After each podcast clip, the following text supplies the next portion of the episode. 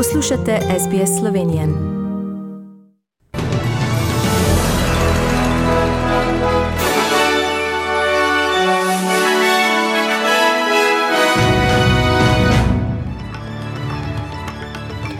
V poročilih 18. junija 2022.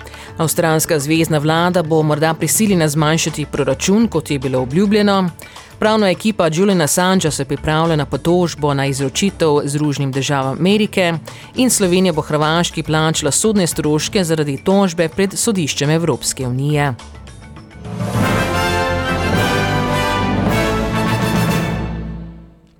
Avstralska zvezdna vlada pravi, da bo morda prisiljena zmanjšati proračun, kot je bilo obljubljeno, ko bo oktobra pripravila zvezdni proračun. Avstralski zvezdni blagajnik Jim Chalmers je za časopis Weekend Financial Review povedal, da se lahko zauzema za skrajšanje in zmanjšanje podedovane potratne porabe. Zvezdni ministr za izobraževanje Jason Clare je v oddaji Weekend Today dejal, da bodo njegovi vladni kolegi spoštovali volilne oljubje ali mo bodo mor morali biti hkrati neusmiljeni. Federal budget's in worse shape than most state budgets. And so, what Jim's talking about there is one, we've got to make sure when we hand down this new budget in October that we implement the commitments we took to the election. But we've also got to go through it line by line, find the waste, find the rorts. You made the point today, find areas of duplication where you might have two departments doing the same thing to make sure that we're getting bang for buck, make sure that taxpayers are getting value for money. Čamez je opozoril, da se laboristična vlada ne bo še naprej zauzemla za dvig plač, ki bi ustrezali visokim stopnjam inflacije, in trdil, da je bila odločitev komisije Fair Work Commission enkratna okoliščina. Pravna ekipa Juliana Assangea dela na pritožbo na odločitev britanske notranje ministrice Priti Patel, da odobri izročitev ustanovitelja Wikileaksa Združenim državam Amerike.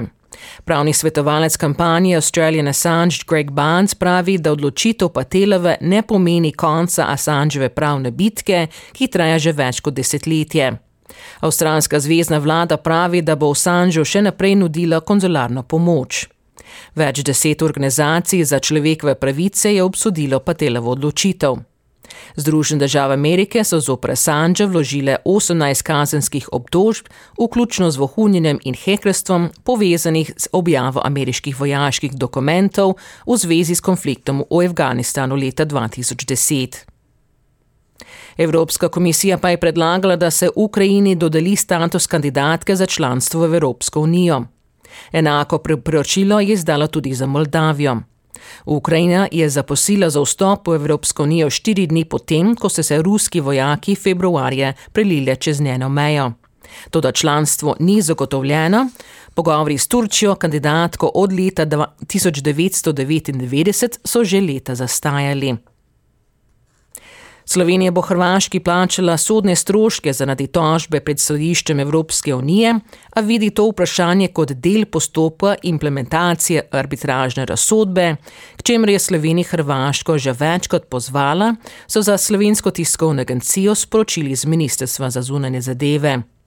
Tudi Hrvaška mora Sloveniji povrniti del stroška arbitraže, so pojasnili v odzivu na članek v večernem listu, da je Hrvaška že nekajkrat neuspešno od Slovenije zahtevala povračilo 150 tisoč evrov stroške zaradi izgubljene tožbe pred sodiščem Evropske unije.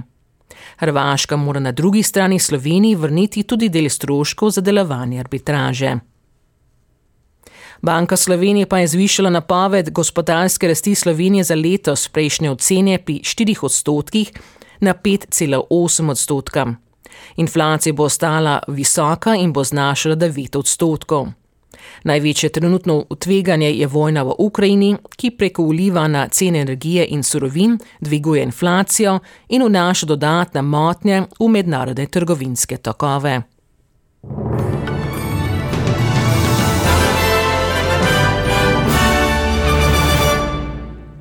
Preglejmo tečajne liste, šport in vreme. Za ameriški dolar boste odšteli 1,44 dolar, za evro 1 avstralski dolar in 51 centov. Slovenski kolesar Tadej Pogačar je na domači dirki izkoristil svojo priložnost na usponu na svetno pri celju.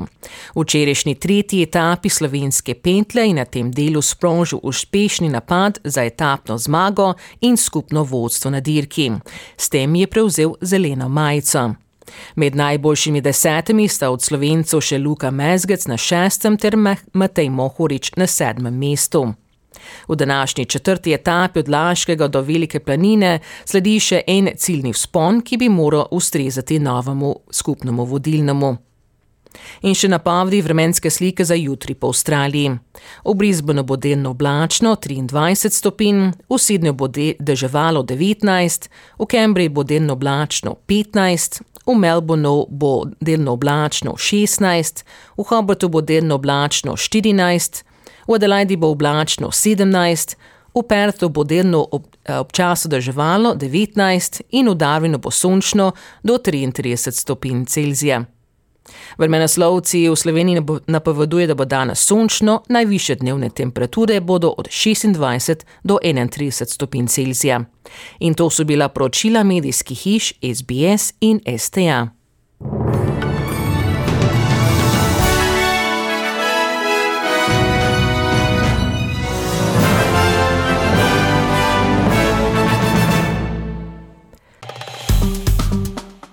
Všečkaj, deli, komentiraj.